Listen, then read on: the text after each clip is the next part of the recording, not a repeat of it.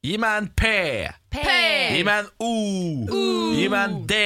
D. Hva blir det? Pod. Pod. Pod blir det. Pod blir det.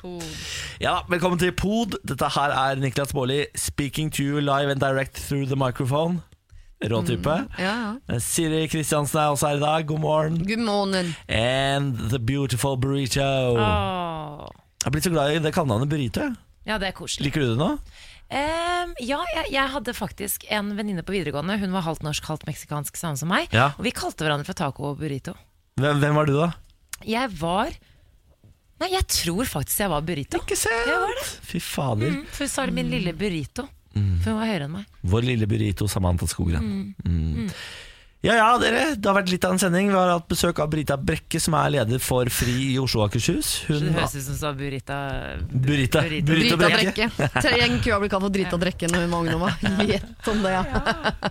Hun har snakket om hvorfor pride er viktig også i 2018. I tillegg til det så har vi altså ringt min far. Stødig type. Ja, Han har rapportert direkte fra branninfernoet i Moss. Det kan du glede deg til. Jeg liker måten han tar telefonen på, det syns jeg skal kopiere. Bårli! Sånn, det har jeg, sånn har jeg alltid tatt den. Ja, ja. Bårli. Elsker det. Ja. Bolly. Ja, jeg har alltid tatt den sånn. Eh, Det har jeg lært av han, ja. Det stemmer. Ja, Dette er litt av en sending. Skal vi bare si vær så god? ja vi gjør det. Vær så god. Vær så god, vær så god. Morgen på Radio 1. Hvordan står det til med damene i dag? Det går veldig bra, Siri. Mm, vil dere vite det? Ja. Og er det dårlig med deg i dag? Fortell, jo, men, s- Ja, men det er ikke fortell sånn om som de i- dårlige dagene Det er også. ikke sånn som i USA hvor man spør sånn, går det bra, og så sier- skal man bare si sånn Ja, det gjør det. Altså, må svare ordentlig. Må svare ordentlig, ja. Nei, eh, for å være helt ærlig, så, øh, øh, så var jeg litt usikker på om jeg kom til å være her i dag. Men jeg tenker vikaren kan ikke være syk. Det er ikke troverdig. I hvert fall ikke fordi jeg tullet med øh, frøken produsent i går, hvis det er lov å si frøken. Ja. Eh, så skrev jeg 'Spørs om jeg kommer i morgen, er på fest på tull'. Var overhodet ikke på fest. Eh, Men, men men eh, eh, du skjønner at liksom, det kan skje i denne redaksjonen? At dere, jeg skjønner ikke spøken. På Det var derfor jeg prøvde å være en del av gruppa og late som jeg var på byen, og sånn, uten at jeg var det. Eh, men uh, ca. en time senere så, så kastet jeg opp. Nei, nei, nei, nei, nei, nei. det er fordi min mann også i går kastet opp, og min sønn i forgårs. Men det varer bare, heldigvis med begge de så har det vart bare ca. ti timer, så jeg fikk meg en god Du er fortsatt smittsom. Smittsom er jeg, men jeg tenkte det er vel viktigere at jeg er her. Vel. Det, det er sånn man sprer dødelig Ja, sykdom. jeg er jo veldig avslappa på, på spredning av sånne ting. Ja, det er ikke Samantha sånn. derimot er jo krakilsk på sånne ting. Ja, Ja. men jeg, jeg har blitt litt bedre fordi jeg var sammen med en idrettsutøver, og han skulle til OL. Så da var jeg ganske desperat, ja. Fordi jeg orker ikke å være årsaken til at han eh, går glipp av sitt siste OL. Nå er det ferdig. Så nå er det, sånn- det, det, det jeg syns fortsatt det er ekkelt, men det, det er ikke livsviktig. Men jeg syns du er en helt, jeg, Siri. Tusen takk. Tusen takk. Men nå er jeg helt fin, altså. Men det, eh, det så ikke sånn ut klokka eh, halv tolv i går. Å ja, Skal jeg men nå er du bra. Nå er jeg fin! Å ja, ja, Da, er ok. da tar jeg tilbake Applausen. Jeg klapper motsatt igjen. Ja, er det ingen som skal spørre Bårli hvordan det går med han, da? Jeg ser det brenner i barndomsbyen din. Åssen går det det. med sjela di? Det brenner altså eh, Alle gatene rundt min fars hus brenner. Han bor jo helt inntil skauen. Skjønner ikke hvorfor han ikke er evakuert.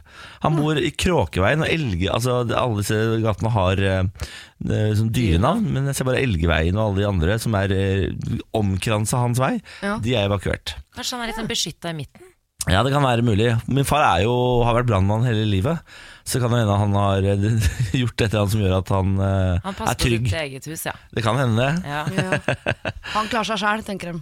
Ja, ja, Bårli, da. Nei, ikke noe vits i å evakuere han. Han ordner seg. Han har jo hageslange, har han ikke det? Jo da, det fikser han. Kanskje det er sånn at brannmenn gjerne vil uh, Altså på, mot slutten av livet så ønsker de faktisk å dø i en brann. Det tror jeg ikke. Jeg har, altså, Fattern hadde jo eh, 40- eller 50-årslag eller sånn eh, hjemme en gang, og da var det bare brannmenn på besøk der, og da begynte det å brenne i huset. Hvor var jeg? Altså det var, Jeg tror det var 15 brannmenn på fest og klarte å tenne på huset. Er det mulig? Oi. Ja, Det brant eh, hele kjellerstua brant ned. Det står på NRK nå at de har god kontroll på flammene. Det har det, ja. Så det skal gå så fint. Da sender vi varme tanker til Mossebyen, og det går sikkert bra, det greiene der, da. Jeg så en nyhet, det står at Canada legaliserer cannabis. Eh, og det er for så vidt eh, fint, det. Eh, loven det skal jo selvfølgelig være lovregulert. Hvordan man dyrker og distribuerer osv. Men så er det en nyhet sånn nesten rett under, hvor det står flere overdosedødsfall i Canada. Og det er da selvfølgelig ikke pga. hasj, men eh, de har jo som mange steder i USA kjemper de mot en, eh, eh, økende opioidkrise. Altså fentanyl, heroin, alle disse Ja, tingene her. ja. Så den har spredd seg til Canada. Den der epidemien, ja. Ja. Jeg så en dokumentar om den epidemien eh, Den ene byen i USA hvor nesten alle går på heroin. Ja, og det er en sånn hyggelig, egentlig en veldig sånn hyggelig sommerby. Er det ikke det? En sånn Jo. kystby, ikke Men- Connecticut, men et eller annet. Nå er det, da, er det over 50% som går på Ja, ja. Det var he, altså helt sprøtt. Det er egentlig en sånn sommerparadis i USA, jeg bare husker ikke hva det heter. Det er ikke Hamptons, men det er typ noe Ja. Det-. Altså Hvis Trump vil bygge mur ned mot uh, Mexico, så jeg fatter ikke hvorfor ikke Canada bygger mur ned mot resten av uh, Vi skulle gjort det for lenge siden. Jeg gjort, Hvis jeg hadde vært uh, sjef i Canada, som det heter, Ja. da hadde jeg bygd mur lett. Hva er grunnen til at USA er så skeptiske til Canada? Hvorfor Vi vet at de er den bedre enn dem. Fordi Ja, sånn, Canada har fått det til. Ja, nettopp. altså, de er misunnelige, rett og slett. Ja, De er tettere på Europa. Sånn, eh, altså De er nærere oss. Det Ja. liker ikke amerikanerne. Og de er hyggeligere, og, de er, og det er derfor jeg alltid blir sånn åh, slapp av, hvorfor blir dere så fornærmet når de blir kalt for amerikanere? For mange av de høres jo amerikanske ut, skjønner det veldig godt nå. Nå går det feil vei bort til USA der igjen. Altså, USA har jo nå gått ut av FNs menneskerettsråd. Eh, samtidig som de sier sånn slapp av, vi skal ta vare på menneskerettighetene vi. Altså, det er ikke det, men nå har de da trukket seg ut av dette rådet fordi de er, eh, mener at rådet er forutinntatt, forutinntatt mot Israel. Som de er på lag med. Som de er på lag med. Altså, og noe voldsomt på lag med i det siste. da Eh, Netanyahu og Trump virker jo til å være verdens beste venner. Ja. Nei, det, er, eh, det, går, feil vei. Ja, på mange feil måter. Ikke på alle måter, men på mange måter. Vi har fått en eh, melding, en morgenrapport, som vi jo driver med i dette, på dette tidspunktet av dagen. Når du er en av våre første lyttere, altså sånn i rett over 60-draget, så er du jo en del av en liten eh, eksklusiv gjeng. Eh, Og da får du litt mer tid på lufta, altså. Magnus har sendt oss morgenrapport. Han skriver Nå er jeg fly forbanna. Utenfor vinduet mitt i natt har de sagd asfalt. Er det egentlig lov? Har maks sovet to timer. Nå blir det en jevn strøm av kaffe for å komme meg gjennom dagen. Hilsen Magnus. Sage asfalt om natta. Jeg er ikke noe regelrytter, jeg, så jeg har ikke lest eh, lovboka fra perm til perm. Jeg vil anta at det ikke er lov. Er det sånn de eh, driver med hvis de f.eks. må gjøre noe med trikkespor og sånn? Da, har de vel, da får du vel Ja. unntak, tror jeg. For Man må gjøre det på et tidspunkt hvor trikken ikke går, for Ja. det eh, rammer færre enn eh, ja. Ja. Ja, sånn, ja. Mm. Så jeg da, forstår da tror jeg de har ofret deg, Magnus, på fellesskapets alter. Og så må du leve med at de sager asfalt om natta, f.eks. Kunne Ja. fått noen sånn coupons på noe billig hotellrom, eller Ja, sånn, ja. ja. Blitt, uh, eh, hvert la- fall blitt sponsa med 30% av billettene, eller sånn. Som man ofte kjøper på et Det hotell. er en kjempeidé. Du Ja. bør ringe Oslo kommune, kreve hotell i natt hvis vi skal fortsette. Morgen på Radio 1. God morgen, god onsdag, og hvilken dag er onsdag, Samantha Skogran? Det er uh, den nydelige dagen lille lørdag. Det er lille lørdag, ja. Min favorittdag, Siri. Visste du det? Nei, jeg hørte det snakket mye om Lille Lørdag. fredag og lørdag, da. Men onsdag er liksom Det er midt i uka. Når vi er ferdig med dagen her, da er det på en måte kortere vei til helg. Ja, så glad i helg, du. Ja, ja men jeg er glad i onsdager. Nesten. Dere, eh, Lydopptak av immigrantbarna eh, ryster USA. Dette er en eh, politisk eh, debatt som vekker oppsikt over hele verden. Siden slutten av april så har da over 2000 barn eh, blitt tatt fra foreldrene sine. Eh, Og holdt i sånne interneringsleirer eh, som styres av amerikanske myndigheter i eh, Texas. Og dette er da eh, et resultat av en streng linje satt av Donald Trump og co. Eh, finnes ingen lov som sier at barn av papirløse innvandrere skal skilles fra foreldrene sine, men i mai så holdt da justisminister Jeff Sessions en tale om nulltoleranse når det gjaldt innvandrere, der han gjorde klart at 100% av de ulovlige innvandrerne fra Sør-Amerika, eller fra sør, vil bli fengslet, og barna deres vil bli tatt fra dem. Eh, og denne leiren har vi på en måte ikke hørt så mye om eh, hittil, eh, fordi eh, det har rett og slett ikke vært rapportert noe derfra. Men nå har jo eh, journalister fått lov til å komme inn på den leiren, så nå kryr det jo av bilder og videoer, og det er seriøst noe av det verste jeg har sett. Altså, det, det, finnes, det, er ikke det at vi ikke har sett lignende til, men det her er på en måte barn som har blitt revet vekk av, eh, fra foreldrene sine. Som ikke, altså det er barn, det er babyer. Jeg leste om en tenåring som sa at hun måtte gå og finne mat til en baby som hun ikke ante hvem som eide. Altså Babyen bare var der, liksom. Eh, og det kryr bare av chipsposer og tomme vannflasker, og det er De, de sitter jo i slakk Altså det er ikke bur, men det er jo celler. Og eh, VG publiserte jo også det lydopptakene fra, eh, av noen av disse barna fra denne leiren. Vi kan jo høre litt lyd.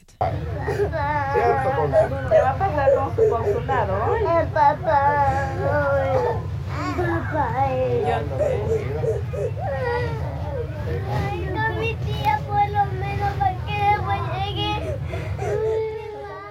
som du hører så De snakker jo spansk selvfølgelig Men de, eh, det jeg leste var at er på en måte var en av disse som jobber der og Som på en måte prøvde å trøste de litt. Eh, Men til slutt på en måte bare De, må bare gi opp For det er hvordan skal du snakke til små barn? For det klippet her er vel smugla ut, er det ikke det? Fra Ja. noen på innsiden. For du har Eh, ikke lov å snakke Og det, og det er også en, en ting Journalistene har, har ikke har, eh, de, har, de får ikke lov til å snakke med de Nei. Jeg så en ganske sånn fin tweet i går. Eh, Jeg husker fader ikke hvem som skrev den, men det var noen som skrev eh, Ingen på rett side av historien har noen gang måttet definere hva et bur er. Nei Eh, fordi det har også blitt en eh, sånn ting nede i den amerikanske debatten om hva er et bur og hva er ikke et bur. Har de satt barn i bur eller ikke? Eh, og da syns jeg den tweeten er ganske fin, for den eh, Jeg vil si den er spot on. Ja, Ja. det det, det klippet er helt forferdelig, Fordi eh, når du hører det sånn her, så høres det bare ut som barn som gråter. Så det, man får ikke helt følelsen av hva det er for noe. Men når man ser det tekstet og sånn, ser hva de vaktene sånn svarer. Ja. For Det er, sånn, kan, jeg, det er en, et barn her som er helt sånn desperat, som sier sånn jeg husker, 'Jeg husker nummeret til tanten min!' Jeg er helt sånn glad for at hun husker nummeret til tanten Ja. sin. Kan jeg få lov til å ringe tanten min, så kan hun komme og hente meg? Og så er det bare sånn svada-svar fra vakten for at eh, barnet skal slappe av. da Ja, ja, ja, en gang skal du snakke med de. Som om ikke de kommer til å huske det. her, på en måte Og det er, Ja. sånn, det er så rart, for nå er det på en måte republikanere altså, Alle går jo nå Hun eh, godeste Laura Bush, hun tidligere førstedamen, kona til senior Bush, sa jo at hun på en måte har forståelse for å beskytte USAs grenser, men hun er jo helt i harnisk. Altså Bush-familien er helt i harnisk over denne leiren her, og sammenligner det med eh, altså USAs leirer for japanere under andre verdenskrig. Det var heller ikke så veldig hyggelig. Men det er en, en nyhet som er så forferdelig at man, det er nesten så man ikke tror at den er sann. Ja. som man tenker at det er en sånn dystopisk uh, ny serie på HBO som er sånn Ja. åh, Tenk hvis det hadde vært så ille. Det er et gudskjelov at det bare er fiksjon. Og så er det, Jeg klarer nesten ikke å ta inn over meg at det faktisk er helt At det er realitet. At det foregår nå. Er helt, helt forferdelig. Jeg blir sliten av det, faktisk. Ja. Blir faktisk sliten av Jeg har eh, bare en liten ting. Altså, min eh, bestemor fra Mexico eh, Hun kom jo også til USA da, eh, sikkert. Ikke lovlig. Eh, hun fikk jo arbeidsvisum ganske fort. da Det var tydeligvis lettere å komme dit på 60-tallet. Eh, men bare sånn når jeg tenker på det, og at liksom at hun tok med seg barna sine og mamma, så tenker jeg bare sånn Jeg, jeg får helt eh, vondt Ja, meg. Det kunne vært mora di. Ja, det kunne vært mora di, liksom. Ah, shit. Ja, for de som ikke har sett videoen, så er det en vond video å se, men man bør jo se den. da Den ligger på VG. Eh, man oppfordrer alltid folk til å se eh, videoer som er vonde, selv om de er vonde å se. Gjør man ikke det, da? Jo. Jo. Jeg, eh, I går så tenkte jeg nå skal jeg se VM. Nå skal jeg se min fulle første VM-kamp. VM er jo i gang, dere. Den store fotballfesten. Ja. Jeg klarer ikke å få til det. Nei, gi Jeg har alltid, deg! vært, jeg har alltid elsket mesterskap. Ja. Men ikke nå. Nå får jeg det ikke til. Men Niklas, du har jo sagt selv at du syns at kampene Det har ikke vært én dårlig kamp. Jeg vet, det, for jeg har, jo, jeg har jo sett det utenfra Og alle bare, fy fader, VM er så altså, Alle kampene Men jeg, jeg får meg ikke selv til å sette meg ned Og skru på TV for å se oh, ja. 90 minutter fotball Men tror... Er det lineærfotballspøkelset lineærfotball. som Ja, det har det. eh, lagt seg over deg? Nok sånn, jeg orker ikke å se noe som er lineært. Hvis ikke jeg kan binge-watche dette her via en eh, app, så gidder jeg ikke. Det er akkurat det som skjer Fordi jeg har, eh, jeg har ikke lenger Den TV-kabelen inn i, eh, inn i eh, TV-en Ja, Så da må jeg drive og styre med apper i NRKs nett-TV-app Den er for så vidt grei Men når jeg da først sitter på datamaskinen Så gidder jeg ikke å skru på den. Da Men ser jeg kan heller, du da jeg spille heller med noe annet. data og ha TV-en i bakgrunnen? Ja, men da må jeg finne fram den kabelen Eller jeg må ut og kjøpe en ny sånn kabel. Ja, men Kan du ikke det, da? Fordi jeg tenker sånn Du kan gjøre sånn som meg, for jeg er også sånn som ikke alltid ser 90 minutter. Men jeg, setter, jeg har det på i bakgrunnen, for det er det som skjedde i Spania-Portugal-kampen. Så den ville jeg egentlig følge med på, men jeg, men jeg kunne egentlig altså, ja, jeg holdt på med noe annet. Men så kom jo på en måte alt det Ronaldo-greiene på slutten, og tre mål. Og, så, Ja. og ting at bare ett lite blikk, eller ett lite, så blir du faktisk fenget. Så blir du sittende Ok, jeg må bare se Mm. siste. Og man det er lyden. Man må, det er nesten så man kan ha det på som radio. Og så man må sånn, Ja. Dette er for vilt, så skårer det igjen. Da må jeg skru på TV-en. Det er det man må bruke som bakgrunn. Man er jo oppvokst med den bakgrunnslyden. Ja, det er det, ja. Kanskje det er den jeg mangler, da. Ja. Ja, I dag spiller jo laget ditt, Portugal. Ja, ja, ja, ja. Kanskje jeg rett og slett må ha bakgrunnslyden som fanger meg inn i sluttminuttene. Ja. For Jeg må enten ha det som bakgrunnslyd og heller komme inn når det skjer ting, eller så må jeg ut på en pub og se det samme mennesket. Ja. Jeg, Ja, for for jeg klarer ikke å skape noe stemning. Det er ikke noe stemning i meg rundt en fotballkamp. Men jeg blir med på andre stemning. Syns det er masse folk rundt Ja. meg som eh, hiver og hoier, liksom. Så Så, Ja, for det, det var min neste takk, forslag. At jeg kanskje måtte bare prøve å dra ned på kontraskjæret Og se om det kan skape et eller annet hos meg. For jeg så, jeg så bilder fra kontraskjæret Som er her i Oslo altså en, Hvor det er laget fotballfestival. Det er gjerdet med svære storskjermer Med masse barer og sånn og der var det jo Polenkamp i går Og det så så sinnssykt gøy ut For det er jo så mange polakker i Norge Så de hadde dratt ned der Og de sang og de hoia Det virket som det var så bra trøkk Eh, Så jeg lurer på om neste gang Polen spiller Om jeg skal komme meg ned på kontraskjær og se på det Ja, men der er det så god stemning. Jeg tror nesten jeg kunne satt på en, gammel et gammelt opptak fra en synkronsvømmingsstevne på Stord, liksom, at man blir i godt humør. Dette er morgen på Radio 1. Siri Kristiansen er gjesteprogramleder i dag. God morgen, Siri. God morgen. Hyggelig å se ditt fjes. Like måte. Her er også Samantha Skogran. Hyggelig å se ditt fjes også, Samantha. Så hyggelig, og takk i like måte, Niklas. Ja. Tar en kikk på dagens overskrifter. Nord-Korea og Kina er enige om eh, atomnedrustning. Norsk Flygerforbund og Babcock enige om avtale for ambulanseflygere. Og Russland gikk videre i VM etter en målfest. Vi har også fått inn en eh, melding på vår innboks radio1.no på Facebook. Det er veldig mange som har lyst til at du skal begynne å se VM, Niklas. Du har jo sagt at du ikke har blitt bitt av VM-basillen ennå. Nei, jeg får det ikke til, for jeg har ikke TV-kabel. Og så gidder det, det er ikke nok som drar meg mot TV-en. Nei, det er en Sjur anbefalte da Chromecast, altså en kabel fra dataen eh, til TV-en, eller så kan du se på TV-en. Nå er det eh, faktisk Line som har kommet med et forslag. Hun sier hei, Niklas. Nå får du første måned gratis fra TV2 Sumo, så da er det bare å se på VM. Å ja vel, sier Ja, du det? Ja, det hjelper jo betydelig. Tilfeldig at det eh, tilbudet er ute nå, eller? Nei, men TV2 det er veldig eh, standard. De kjører alltid sånn gratis abonnement når det er noen store mesterskap. Ja, men Det er kjempelurt, da. Ja. Eh, da, fader, da skal jeg ta og tegne meg et sumo-abonnement, og så får jeg vel eh, sett litt eh, VM, da kanskje. Takk for tips, Line. Tusen takk for tips, Line. Det var hyggelig. Sjekk om man kan melde seg av etter en måned, da. Ja, det, det er vel ikke det noe er noe bindingstid? bak der. Det er noe bindingstid eller Nei, noe. nei, nei, nei, ikke noe bindingstid. Dere, det er jo ikke alltid at livet smiler. I går smilte mitt liv ganske mye. Bortsett fra at jeg spøy på slutten. Ikke tenk på det. Men jeg tror faktisk at kroppen min hadde en øh, fysisk reaksjon på hvor flaks man noen ganger kan ha i livet sitt. For jeg øh, bestemte meg for å sove i hovedstaden i går. øh, og skulle sjekke inn på et hotell. Eh, det er ikke ofte jeg har så flott flottersen liv på de greiene der, Nei, det men det, var, ja, det skulle jeg gjøre i går. Det var Så på. Instagram tenkte bare Ja. for en dronning. Ja. Sjekket inn på et helt vanlig hotell eh, i Oslo sentrum. Eh, og kommer dit, og så så de litt sånn lei seg ut i resepsjonen. For når jeg kommer inn der, så tenkte jeg sånn, nå er det noe feil. For jeg pleier å ha antiflaks med sånne ting. Eh, og at det er sånn, beklager det har vært en scam, du må Ja. bo i en container eh, på uh, Helsfyr.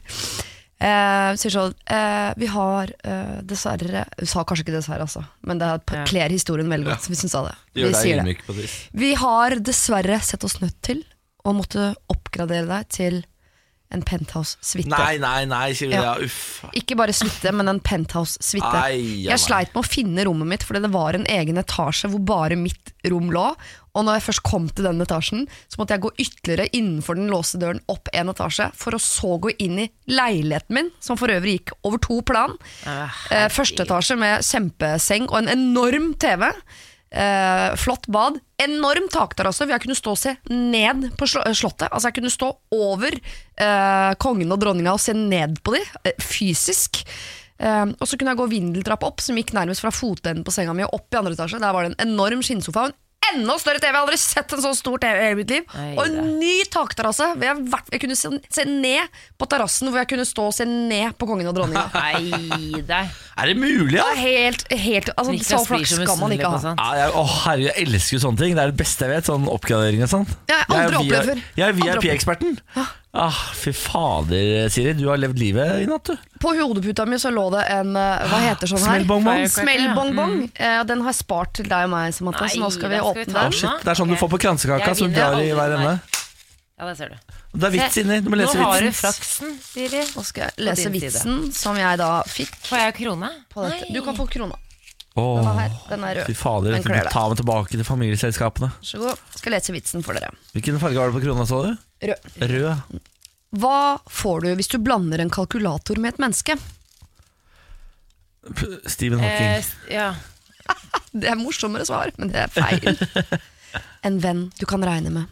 Ah, farmor hadde ledd av den. Liksom. Den, er, den treffer hele familien, den der. Den er gu. Lever ditt beste liv, Siri. Ditt beste liv. Ja, du lever ditt beste liv, ass. Fy fader, jeg er så misunnelig.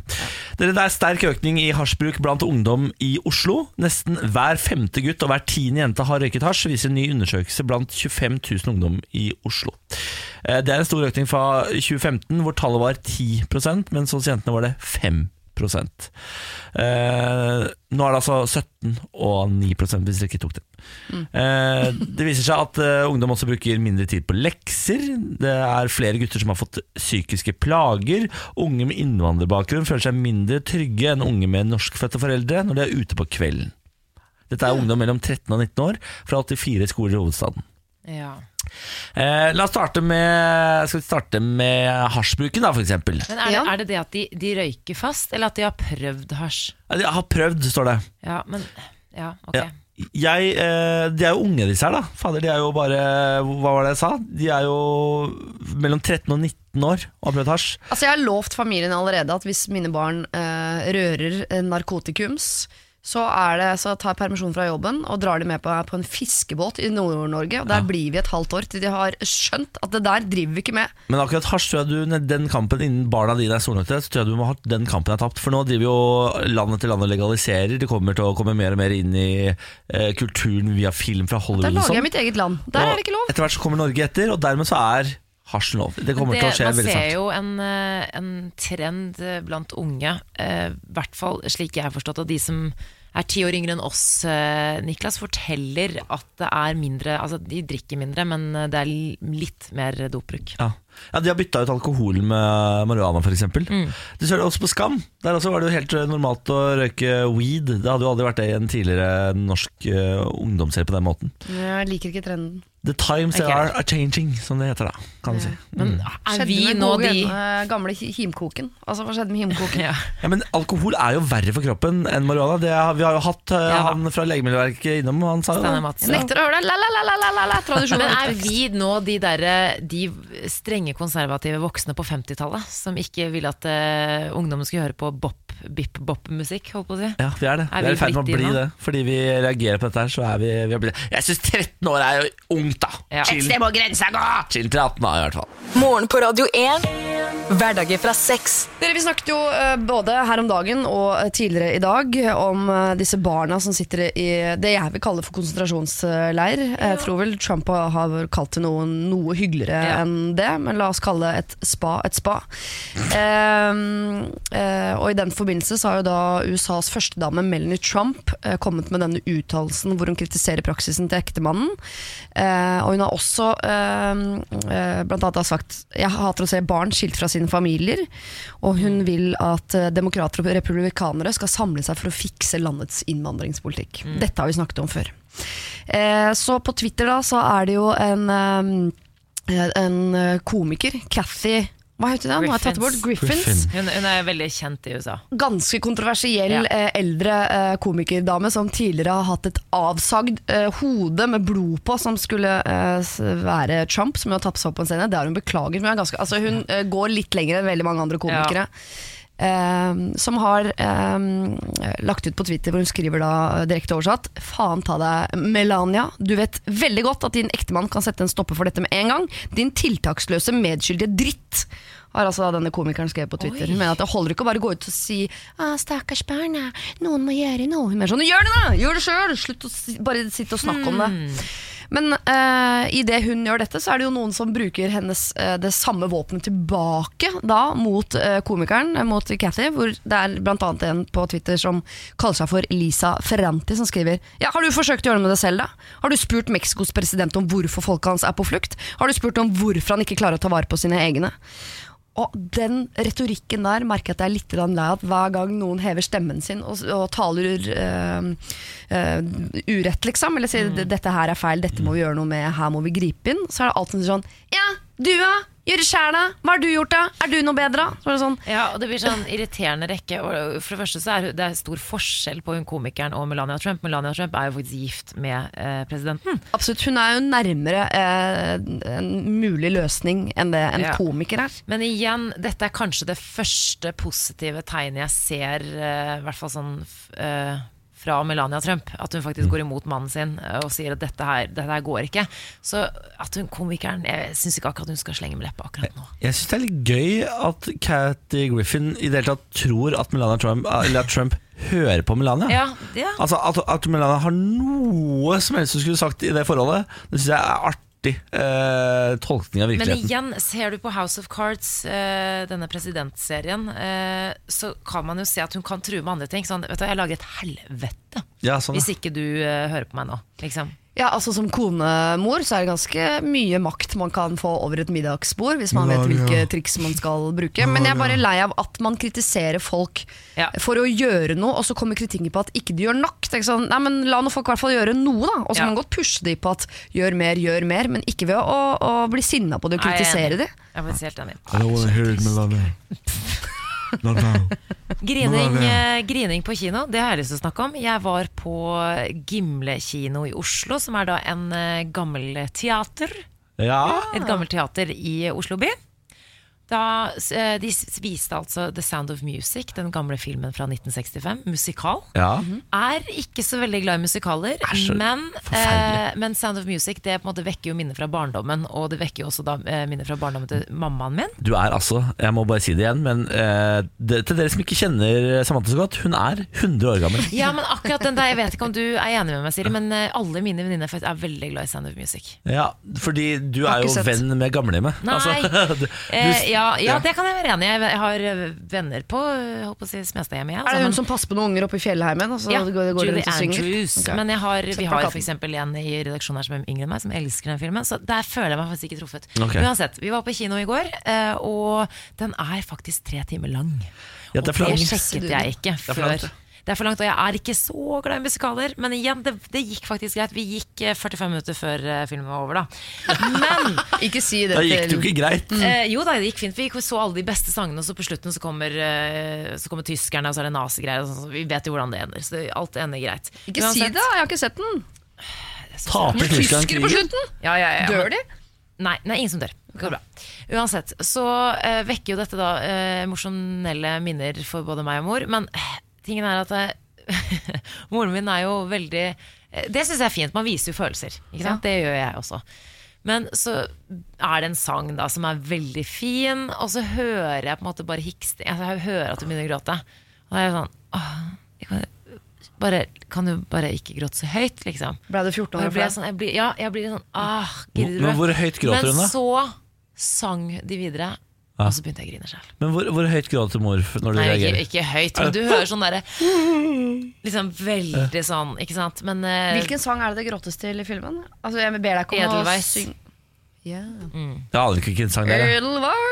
Ja, du kan jo- ikke det Siri kan jo sangen. Tysk uh, sviske? Altså, Jo, det, her, det er jo Gråter det appelstrudel? Er det innholdet, eller er det mm, melodien? Eller hva man gråter Nei, det er jo vakkert fordi en far eh, ser på barna sine Oh, ja. bla, bla, bla. Igjen, det er veldig vanskelig å forklare når de ikke har sett filmen, men poenget er bare at jeg har blitt min mor.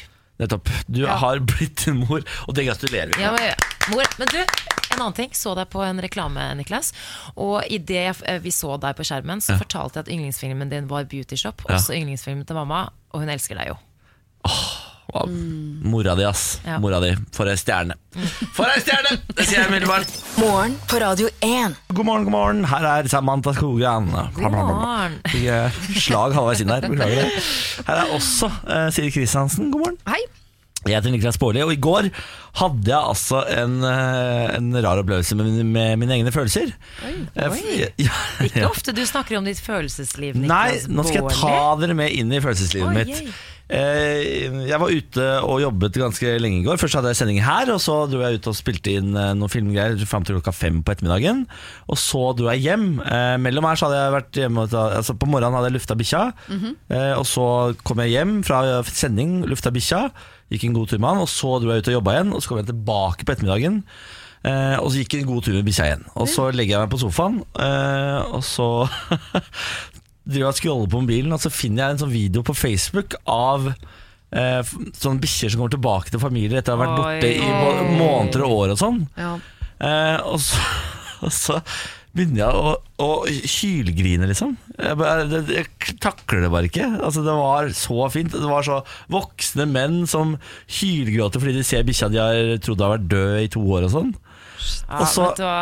Det skjønner jeg, Niklas. For også, det er det som vekker mest følelser hos deg. Ja, ja, og jeg griner og griner, og til slutt så bare får jeg så dårlig samvittighet, så jeg bare roper på Bjarne, Bjarne som bikkja mi, da. "Bj- Bjarne, Bjarne, kom inn. Og så omfavner jeg Bjarne og sier åh, så. Så tar jeg på han båndet, og så går vi en to og en halv time lang tur fordi jeg har så dårlig samvittighet for et eller annet.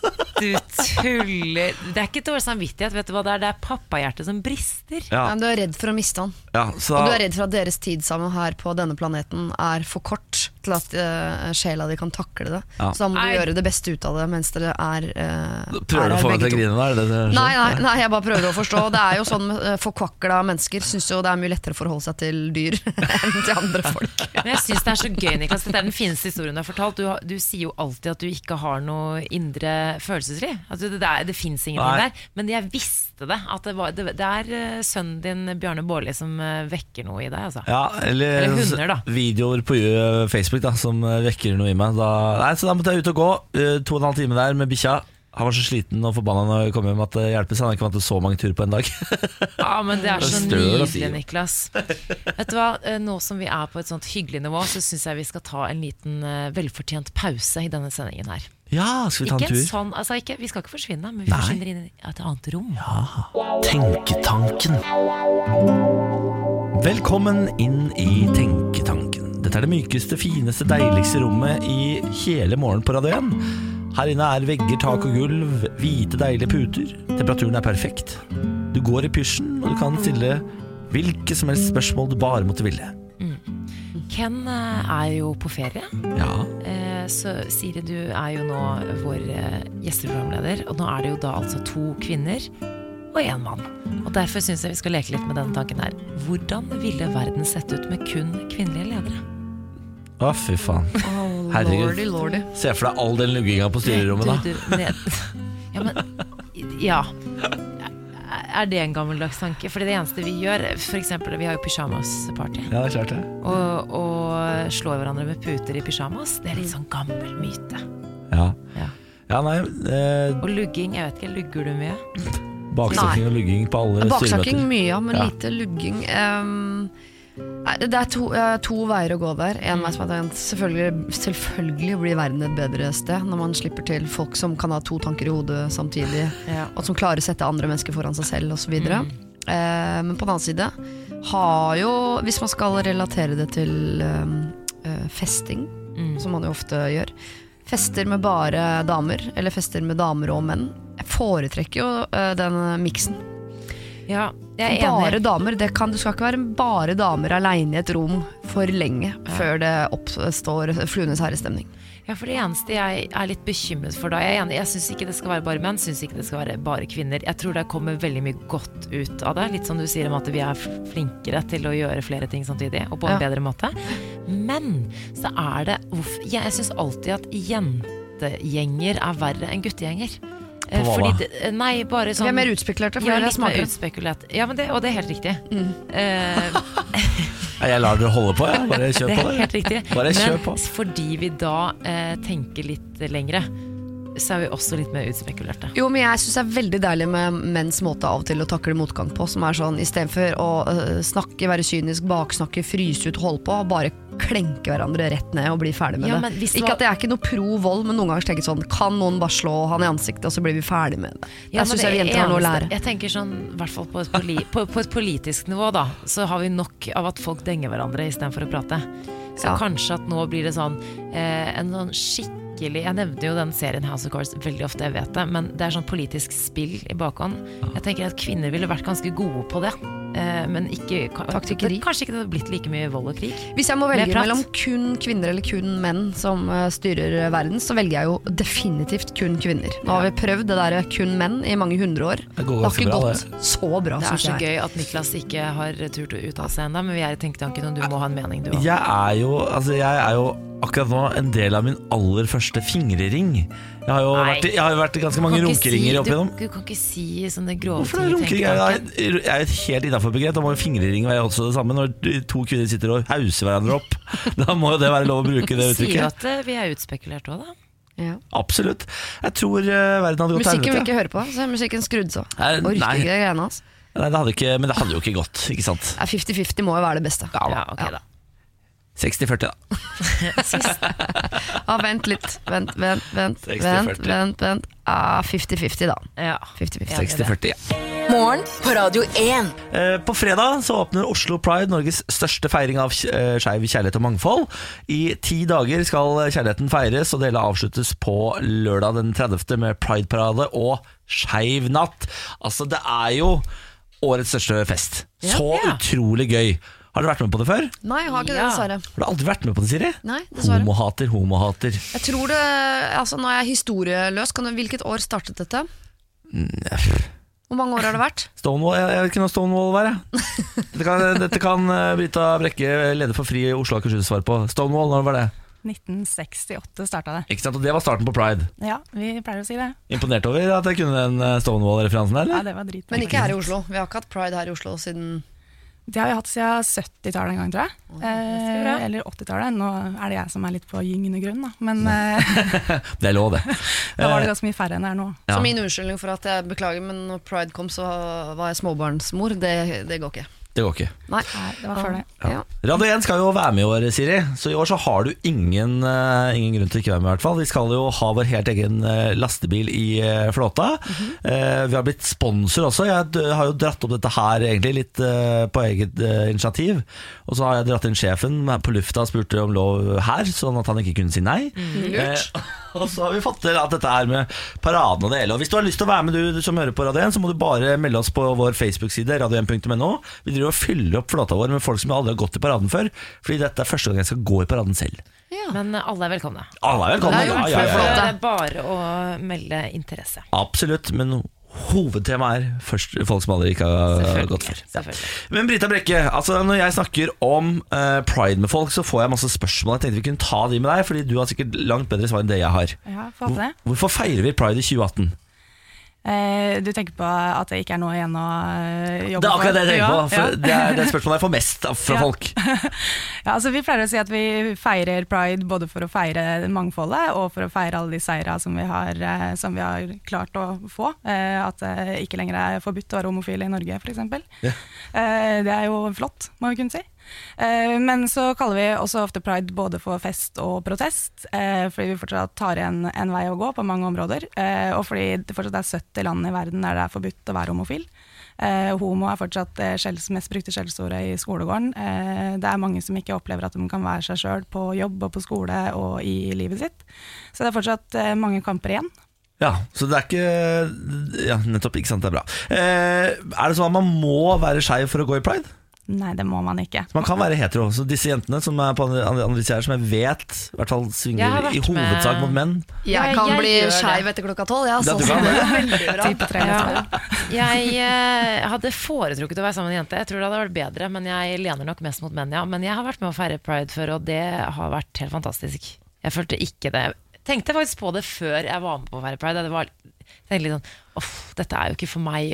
At jeg bruker opp plassen, på en måte. Det er Ja. ikke sånn i det hele tatt. Nei, jeg tror det er plass til alle, det toget. Ja. Det er langt, det er langt nå. Eh, alle heterofile trenger ikke gå i det toget, men mange kan gjerne gjøre det. Ja, ja. Det, er langt jo, det den, eh, altså det torget som er Nå er jo pride i forskjellige byer, det er jo ikke bare i Oslo. Men eh, i hvert fall der, eh, den parken som ligger på Spikersuppa i Oslo, Mm. der er det fryktelig gøy å være. Ja. Et annet spørsmål jeg får mye, Brita, er hvorfor man gjør det som man gjør det. Altså den Pride-paraden med så mye glitter, glam og nakne kropper og eh, vanskelig personlighet for folk. Skaper det ikke mer avstand mellom heterofile og skeive enn det bygger bro, på en måte? Altså, Det kan jo hende at noen heterofile syns det her er problematisk. Da tenker jeg de har godt av å få det trøkt litt i trynet. Eh, paraden eh, består, er jo eh, mye som vi om før, mye for å feire mangfoldet. Og det mangfoldet består av nakne menn og drag queens og glitrende kropper. Det består også av eiendomsmeglere og bønder og lærere og barnefamilier og eh, alle som er skeive, og alle som støtter mangfoldet. Så eh, alle som blir med, blir på en måte med å fylle inn i det mangfoldet. Da. Så hvis du syns det er for mye glitter og nakenhet, så får du komme i dress. Jeg synes det er litt rart at det er skille med vanlige og skeive, for det er jo politikere som stiller opp i dress på Stortinget, som, som faktisk også Han ene som stiller i drag. Altså, det finnes jo på en måte, Hvis du skal ha vanlige folk i parentes, som også går i drag og gjør sånne type ting, så det er på en måte bare å vise at det er jo, Hva er egentlig vanlige folk? Det er jo ikke noe sånn Ja, ja, Det er ikke noe forskjell mellom vanlige skeive og de som kler seg opp og syns glitter er stas. nei, jeg er helt enig i det. Jeg, bare, jeg stiller de spørsmålene jeg får eh, fra folk. Jeg, bare, bare si at dette er ikke mine spørsmål. Bare så det er sagt. Don't kill the messenger! Don't kill the messenger. Hva er det som er uh, viktig å tenke på da hvis man skal være med og feire pride? Hva Er det noe man bør ha liksom, Noen grunnleggende greier man bør tenke på? På, av kunnskap, mener du? Du Ja. må ha med deg litt vann i paraden, for det kan bli veldig varmt og Ja. langt å gå. Eh, nei, jeg tenker det er jo kult om man vil lese seg opp og, og sette seg inn i de saka som, eh, som gjelder de av oss som bryter med normer for kjønn og seksualitet. Der har man jo en strålende sjanse under, eh, hvis man er i Oslo, under Pride House, som er på Jungstorget. Det starter på lørdag. Da kommer det til å være debatter og foredrag og mulighet til å sette seg inn i, i alle de temaene som er viktige for den skeive bevegelsen. Og så er det bare å komme og bli med i parade lørdag 30. Da skal Radio 1 ha flåta si, kommer til å rulle av gårde. Det kommer til å bli altså så gøy! Vi må ha folk eh, oppå lasteplanet med meg, blant annet. Eh, gå inn på vår Facebook-side, meld deg på, da vel. Radio1.no heter der. Brita Brekke eh, fra Fri i Oslo og Akershus, tusen takk for at du stakk innom. Takk for at vi kom. Morgen på Radio 1. Hverdager fra seks. Jeg har fått meg en ny dyne, som jeg har snakket om før i dette radioprogrammet. Har du begynt å like den nå? Nei, dette er problemet. Nå har jeg eh, Altså, jeg og Benjamin, kjæresten min, havna jo en megakrangel over denne dyna fordi eh, vi begynte å diskutere hvilken kvalitet vi skulle ha på den. Jeg mente vi kjøper den dyre, han mente nei, vi kjenner ingen forskjell. Vi går for den billige. Det endte med at jeg løp ut av butikken i sinne. Han kjøpte den dårlige dyna. Nå ligger jeg med denne dyna hver eneste kveld og irriterer meg altså så grønn jævlig. For den knitrer. Det er en knitredyne, og den er sånn jeg, jeg ligger sikkert jeg vil si 30-40 minutter bare irriterer meg over lydene i dyna før jeg klarer å sovne. Går det tror utover nattesøvnen din, da? Det går utover nattesøvnen, ja, for jeg bruker en halvtime på å sovne. Jeg pleier å sovne sånn. Jeg tror det der er psykisk. At den knitringa den er inni hodet ditt. Det kan godt hende den fins, men ikke på det volumet du eh, plukker den opp. Knitringen er eh, et symbol på irritasjonen din i forholdet ditt. Ja, det er en skam over oppførselen din på Kid Nei, eller nei, Jysk eller nei. hvor dere Det kjøpte er det ingen- knitteret dine. Det er ingen innoverskam. Det finnes ikke. Det er, altså, la meg gjenskape knitrelyden. Ja. Her ligger jeg. Ok, sliten gutt, legger seg i sengen, skal sove. Og så vrir jeg, vrir jeg meg. Det er crispy dyne. Og så, og så, og så vrir jeg, jeg tilbake. Ja, ok. Skjønner du? Våkner hver morgen og har lyst på potetgull, men aner ikke hvorfor. Du får ikke sove av de greiene der. Vet du. Blir jo faen meg Du blir gæren i du, du må kjøpe krepsengetøy, og så må du ha vinduet oppe sånn at eh, dyna blir kald. uh, inni krepsengetøy, og at den er crispy. Det kommer til å føles ut som du sover under et løvtynt potetgullflak.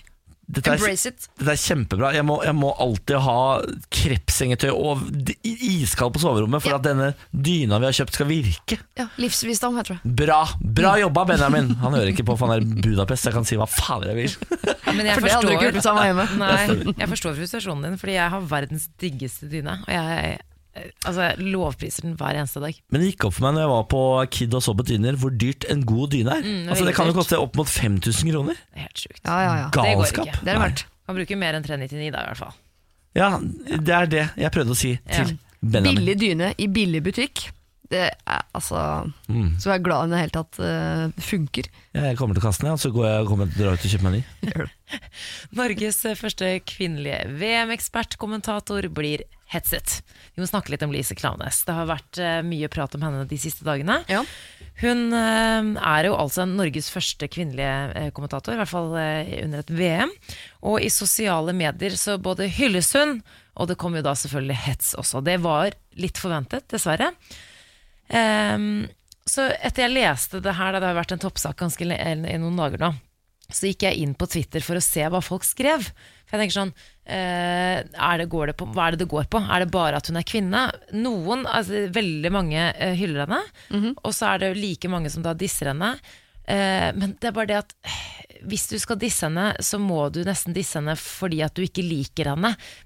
Problemet er at når de som disser henne fordi at hun er kvinne, når de går ut og gjør det, så på en måte undergraver du da det de som disser bare fordi de ikke liker henne. Så Ja, det, er sånn, du, du kan, du, altså, det er ikke lov å ikke like henne da, fordi at hun er kvinne, hvis du skjønner hva jeg mener. Ja, jeg skjønner godt hva du mener For dette her snakket vi om i går her i redaksjonen Hvor jeg sa sånn Jeg kan forstå litt at folk blir irritert på Lise Klavenes fordi, eh, og, og med, Ikke sant, for det var det jeg sa Og jeg rakk ikke si mer før noen sa akkurat det Og fordi eh, produsenten vår sa Det er bare fordi hun er kvinne Eh, Og jeg føler jeg en dansk, hun produsenten, ikke sant? Mm, stemmer det. Hun er bergenser, hun er ikke hun er vestlending, Ah, da. faren er fra Danmark og mora er fra Bergen eller noe. Ja. Det er Den mest elendige imitasjonen jeg har Du er fra Sogndal det. Eh, ja, Det er bare fordi hun er kvinne, sa hun Og så sa jeg, nei det har ingenting Det er fordi jeg har virkelig ingenting med det å gjøre Grunnen til at jeg har et lite problem med Lise Klaveness, Er at hun har ikke en stemme som er skapt for TV Og at hun har veldig, veldig, veldig monoton fremtoning Ja, og, Ja. og det går jo bare på stemmer, ikke sant? det er Ja. din preferanse. Fordi det går jo ikke på det faglige, liksom, at hun ikke kan Nei, hun er sikkert dritflink Ja, på det faglige Hun er jo det, altså det, men det er hun. Det Ja. tror jeg alle kan være enig i. Hun er jo uh, Men er det det det går på på. Twitter også? At folk er irritert over stemmen hennes? At den er monoton? Noen- og, eller går det på at hun Nei, har nei, går- utoverpupp og innovertiss? Nettopp, det går på det sistnevnte. Der noen eh, har mener, altså sånn, type, går på det rent faglige, og det, det har jeg aldri respekt for. Poenget er bare sånn ikke, Må du disse at hun er kvinne? Ikke ødelegg for alle andre Nei, det som vil ha en mening. For det du gjør da, når du disser henne for å være kvinne, så disser du egentlig menn. Ja, det mener jeg. Nå må du forklare. Ja, for jo, hvis en mann disser et annet menneske fordi hun er kvinne, så blir jeg sittende Da tenker jeg ikke sånn. Da blir jeg jo ikke enig i det han sier. Da tenker jeg bare i større grad så dum du er, da. Mann. Ja, det, det du gjør er å gjøre det enda vanskeligere for oss hvite menn Som har det ganske vanskelig for tiden Ja. Vi er en, inne i en vanskelig periode i, i, i, i tiden Fordi hvite, vi har jo alltid hatt det veldig bra Men akkurat nå så har vi et lite skår i, i Har dere det vondt nå? Metoo har gjort det litt vanskelig å være hvit mann Nei! Niklas, vær så snill. Nei, Vær så snill. nå må jeg ta det. Ta, ta en liten pause, så skal dere få lov til å ta en liten pause. Eh, ferdig. Eh, Jeg kan jo eh, ta dere inn i verden til en hvit mann som har det fryktelig vanskelig, Ja. og det er Lars Monsen.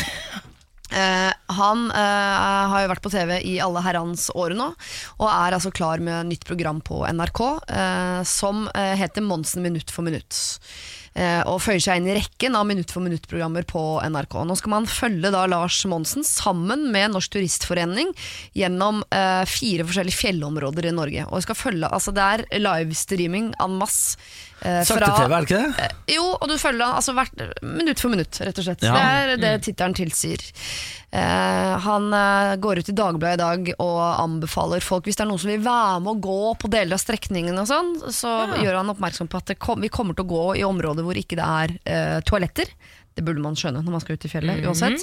Eh, men vær så snill, ikke bruk toalettpapir. Det funker fint med mose og den slags. Nei Og jeg stiller meg eh, enig i det, men da ble jeg gjort oppmerksom også på tanken Vent da, Lars Monsen minutt for minutt skal på do med mose Altså, Er det noen minutter Er det mulig å klippe ut enkelte minutter og ligge, ha litt delay delay på livestreamen? Nei, det er sånn som Big Brother, i 2000, i hvert fall det jeg så på i 2001. Da, da fikk man livestreamen da de satt på dass. Jeg orker ikke å se Lars Monsen tørke seg bak med mose. Nei, Det håper jeg virkelig vi slipper å se på Kan vi panorere kamera altså, Det er vel en fjelltopp her der du kan filme Mens han sitter og driter Det Er det bedre om man sitter og tørker seg med dopapir enn mose? Nei, nei, absolutt ikke. Jeg, jeg har ikke lyst til å se Men funker mose? Ja, ja. ja. Jeg brukte blader da jeg var liten. Jeg var liksom, løp rundt i skogen her. Brukte blad. Du er oppvokst hos en ulvefamilie, er du ikke det? Du er Mowgli er det du Mowgli. sier? Nei, ja, det Ja, funker, men mose funker selv. Man får jo Det blir jo sittende eh, mose inn mellom skinkene. Det gjør det. Det er ikke Ja, så er behagelig. Det blir litt, og skrubbsår. Men Ja, jeg går bra. foretrekker dopapir når jeg er på telttur, selvfølgelig. Vil Men hva gjør man med papiret? Det blir jo liggende i naturen. Ja, men, Men har ikke du vært med på blir vel- 71 grader nord, da? Ikke lenge nok til at jeg måtte drite. Dreit du ikke på 70 grader nord? Sikkert. Ok, man tar med seg Hvis man har vært på Det der er så sjukt. Siri Kristiansen er overskritt. Nei, vent, kjære. Alle tar... Siri Kristiansen bæsja ikke på 70 grader nord. Hvor lenge var det der? Elleve dager eller noe sånt. Elleve dager! Å, Herregud. Det er ikke, det er ikke rart du måtte hjem, for å si det sånn. Tenk hvis det viser at det er derfor jeg dro hjem. Ja, seriøst. Siri måtte på do, hun dro hjem. Det er derfor. Jeg trodde det var minutt for minutt. Altså, det her er shitbreak fra American Pie opp i mente. Ja. Jesus Christ. Ok. Ja, Men for, På 70 grader så får man eh, toalettpapir, er det det du sier? Ja, du, har, ja, Ikke ja. mose, ok. Så Ja, da ja, slipper man ja. det hvis man er Lars Monsen gæren. Så det er bare med Lars Monsen som driver med mose og sier det da på fritida. Ja, og jeg vil bare si fra hvis NRK, hvis dere hører på, eh, ta så panorer ut, se film noen fjelltopper eller noe solnedgang, et eller annet, mens han driter. Jeg, or jeg orker det ikke. Elleve dager og ikke bæsje, det, Siri. Det hørtes ikke ut. Jeg skjønner hvorfor du dro hjem. Herregud. Morgen på Radio 1. Ja, Riktig god morgen. Jeg vil gjerne snakke om en sak. Eh, Det at unge sliter, med, eh, sliter med å komme seg inn på boligmarkedet. Ja. Eh, I går ble det altså klart at finansminister Siv Jensen gjør få justeringer i boliglånsforskriften og beholder da kravene til egenkapital, blant annet. Eh, Hun eh, viser til analyser fra Finanstilsynet og Norges Bank som viser at denne boliglånsforskriften eh, virker etter hensikten, for at det er færre enn før som tar opp veldig store lån når de skal kjøpe bolig. TV 2 skriver om eh, 25 år gamle Elisabeth. Hun har fast jobb, god inntekt og eh, får også da hjelp fra foreldrene til eh, egenkapitalkravet. Men eh, studielånet, gjør, eh, studielånet hennes gjør at hun ikke får boliglån på mer enn 2,1 millioner. Får eh, da hjelp av foreldrene sine, så hun kan få lån på 3 millioner kroner. Likevel er det svært begrenset på hva hun kan få til på boligmarkedet selv. Dette er da spesielt eh, hovedsakelig i Oslo, men det gjelder jo også folk i andre byer i Norge. Nå eh, må vi Nå må vi bremse litt igjen, fordi du får leilighet til 3 millioner i Oslo. Eh, og hvis du ikke eh, hvis, Si du har 3 millioner, men hvis du har krav på at du skal ha f.eks. 70 kvadrat og to soverom, da, da må du litt Ja, ut av Oslo. det går ikke. Da må du litt ut av Oslo. Nei, men det, vi vet jo ikke om det er det hun krever, på en måte. Jeg, jeg har bare venner som sliter nå. Altså, jeg, det er jo nesten Ja, men hvis hun har tre millioner kroner ja. Er, Ja, men du vet jo litt hvordan det er selv. Altså, du, ikke, du nevnte jo et hus på Spydeberg her forleden, at du kunne få veldig mye for eh, veldig mye mindre. Absolutt. Mm, Altså, det er ikke alle som Man kan bli isolert hvis du velger et sted som eh, ikke på en måte er i Ja, nærheten av noe av det man gjør. ikke, hvis man har 3 Du millioner skal altså, kjøpe den i tillegg. Ja, ja, men du kan, altså Jeg skjønner at det er dyrt, og sånn men hvis du har tre altså hun, er jo, hun er jo faktisk altså, godt stilt i forhold til veldig, Ja, veldig, det er det som er andre. saken, da. Ja. Nei, Men ok, Elisabeth klager, ja. Mm. ja, folk må, folk må uh, senke kravene sine litt. Man må bo, uh, Hvis man skal bo i Oslo, så må man bo litt mindre. Og hvis man eh, skal absolutt ha større, så må man flytte ut av Oslo. Man kan ikke klage fordi man ikke får leilighet leilighet Men innenfor hvis man skal studere ja, innenfor Ring 3, men generelt, da? Hva generelt? Er det ikke vanskelig generelt å få seg bolig om dagen? Jo, absolutt, men Jeg tror ikke det fins andre land på denne planeten hvor studenter eier leilighet. Den trenden der syns jeg har gått altså, helt av skaftet. Skal, altså, se til våre naboland, det er ingen studenter. Og jeg skjønner at det selvfølgelig lønner seg, og at det er en god investering, blæ, blæ, blæ. Men altså, det er jo ikke sånn at det er en folkerett å kunne investere i noe i en alder av 18-19-20 år.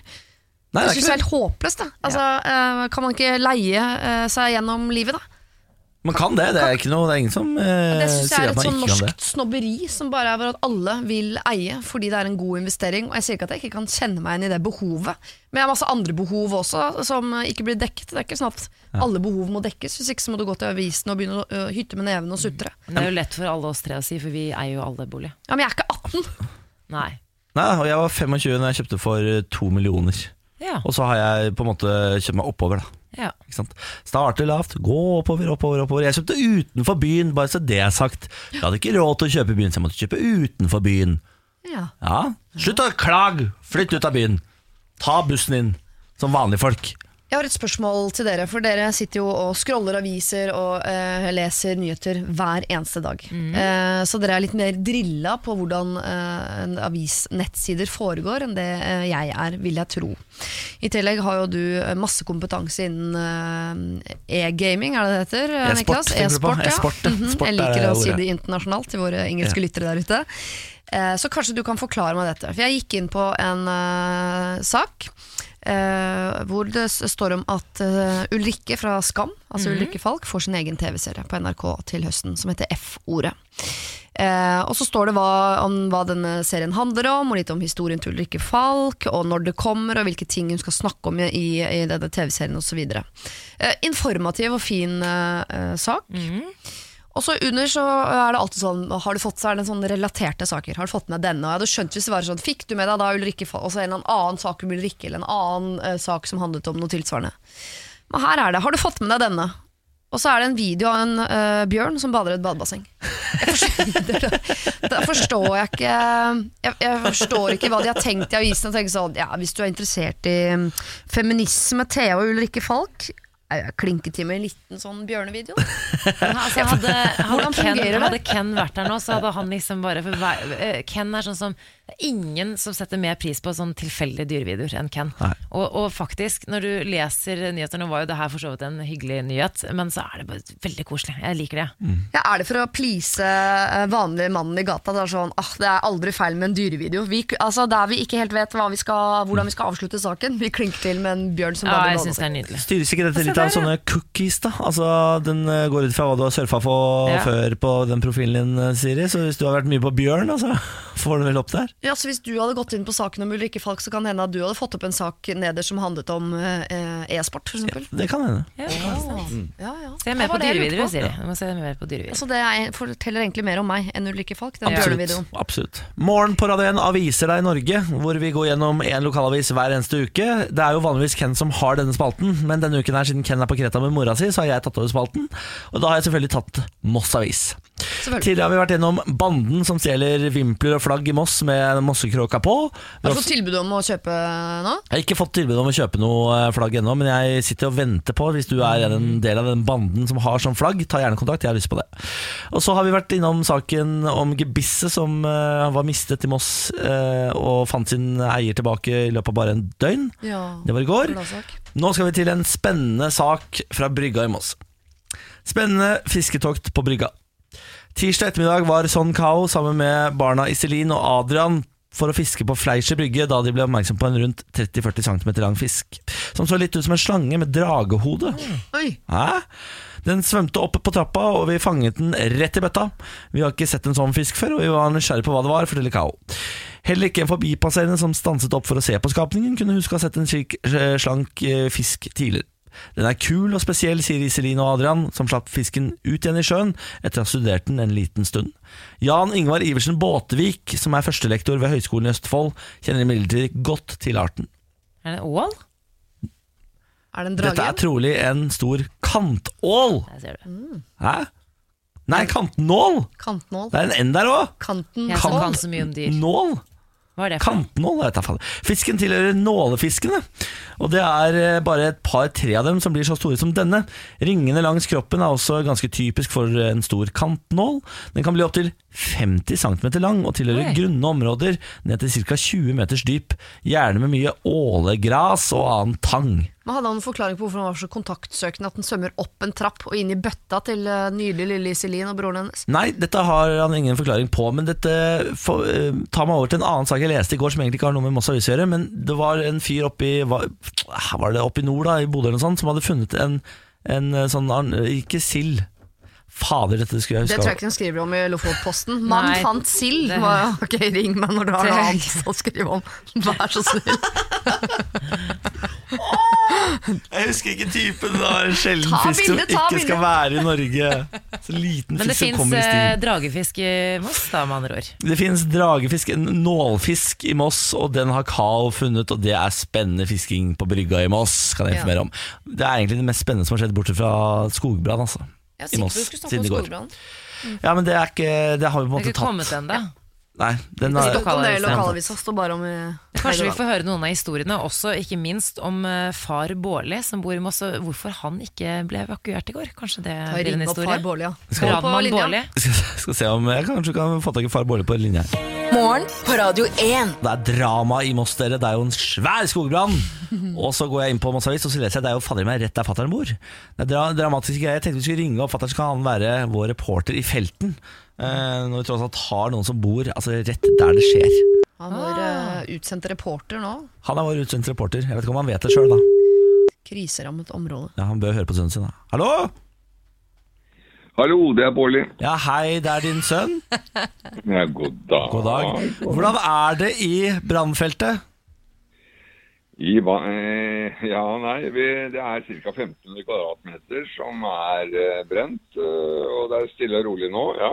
Ja, men har du, Er ikke du evakuert, da? Sitter ikke du med sånn varmepledd på et eller annet hotell? Nei da, det er, eh, jeg er såpass langt unna, og i den riktige enden av brannen, så, så jeg er ikke evakuert. Nei, Nå bygger du veldig dårlig. Du må si sånn, Det er kjempedramatisk. Må du si, pappa. Du må si, det, det, det oser røyk her. Jeg kan nesten ikke åpne øynene. skal du si Nei, nei, nei, nei, kan jeg ikke. Jeg kan ikke lyve. Men hvis du åpner vinduet, altså, kjenner du eh, lukten av røyk? Eller altså, er, det, er du rammet Jeg på noen som måte?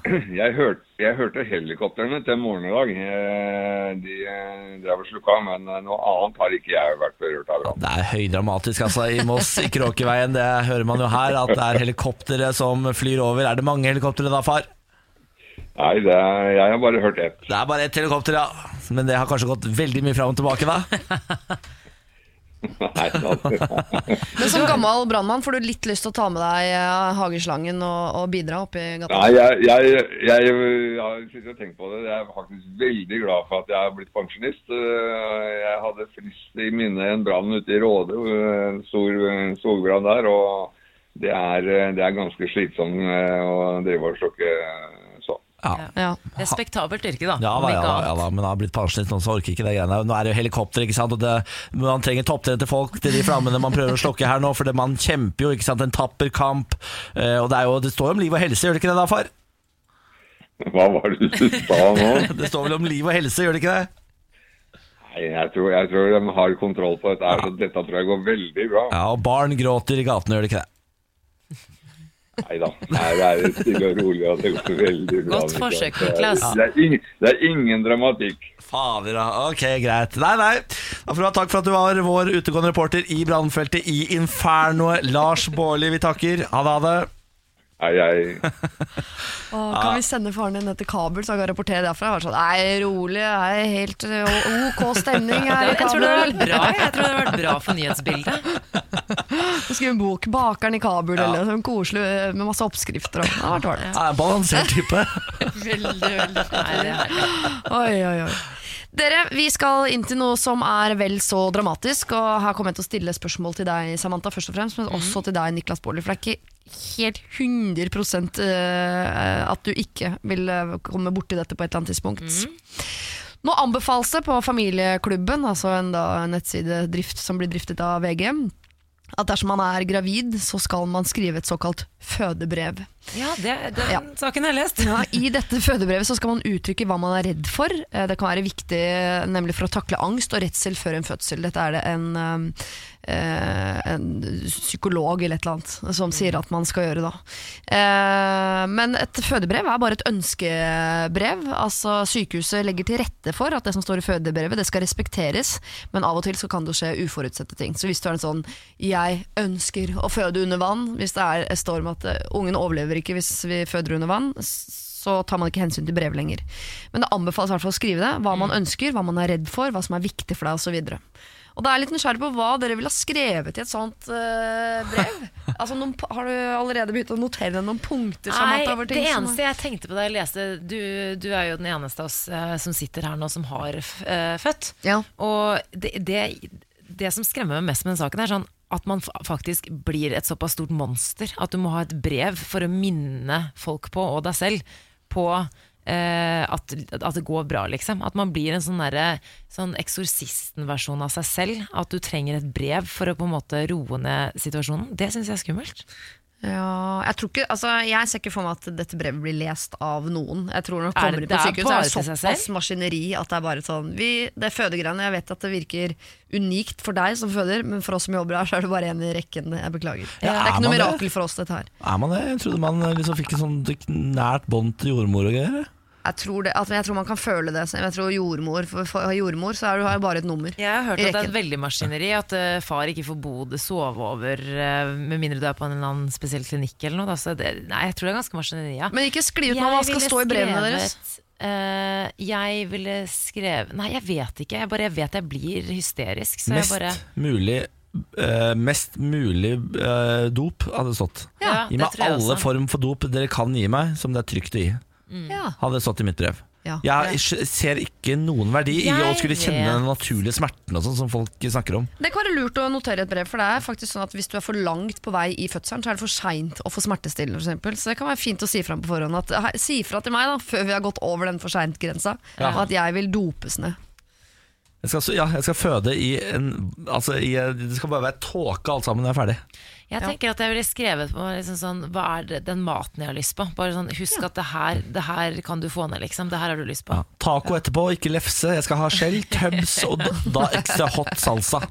Hadde stått på burritoens eh, ønskeliste. Ja, nettopp. Ja, det, Ja, det kan jeg si med rimelig sikkerhet at det kommer de til å gi ganske faen i. Ah. Akkurat ønsket der. Det tror jeg du heller skal si til Emil. Ja, ok, Da har du eh, lært det, du som hører Morgen på Radio 1. Skriv opp alt du trenger å ha for fødselen i et sånt ark, og gi det til jordmor da, når du kommer på sykehuset. Mm. Lykke til med fødsel. Morgen på Radio 1. Riktig god morgen og god onsdag. God lille lørdag. Ja, Ja, det er skal du ikke juble mer enn det? Ja, Nei, fordi nå driver jeg vi har litt sånn kunstnerisk stemning her nå.